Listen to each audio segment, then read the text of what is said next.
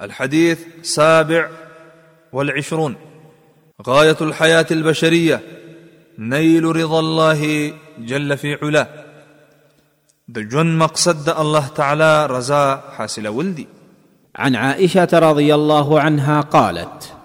سمعت رسول الله صلى الله عليه وسلم يقول من التمس رضا الله بسخط الناس كفاه الله مؤونه الناس ومن التمس رضا الناس بسخط الله وكله الله الى الناس د ام المؤمنین عائشه رضی الله عنها څخه روایت دی فرمای ما د نبی کریم صلی الله علیه وسلم نه اوریدلی دی هغه فرمایل چا چې د الله تعالی رضا طلب کړه اگر که خلق خپکیږي الله تعالی به هغه محفوظ کړي د خلکو د شر نه او تکلیف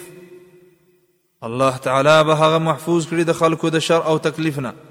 او چا چې د خلکو د رضا کولو طلب وکړه د الله تعالی په خفغان کې نو الله تعالی به همدې خلکو ته وسپاري د دې حدیث دراوی پیژندنه مخکې په پنځم نمبر حدیث کې ذکر شوی ده او دا حدیث امام ترمذی رحمه الله په خپل سنن کې ذکر کړی دی او امام البانی رحمه الله ورته صحیح ویلی دی من فوائد هذا الحديث د دې حدیث د فوائد څخه اول واجب د چې باید د الله تعالی تابعداري مخکې کړی شي د مخلوق په تابعداري باندې دوهم الله تعالی ته نزدېکت او د هغه رضا کول یوازې په صحیح طریقه د هغه تابعداري او بندگی کولو باندې حاصلېږي دریم چا چې د مخلوق د ویلو وجې نه د الله تعالی نه فرمانی وکړه او خپل دین د دې فانی دنیا په متا خرڅ کړه الله تعالی به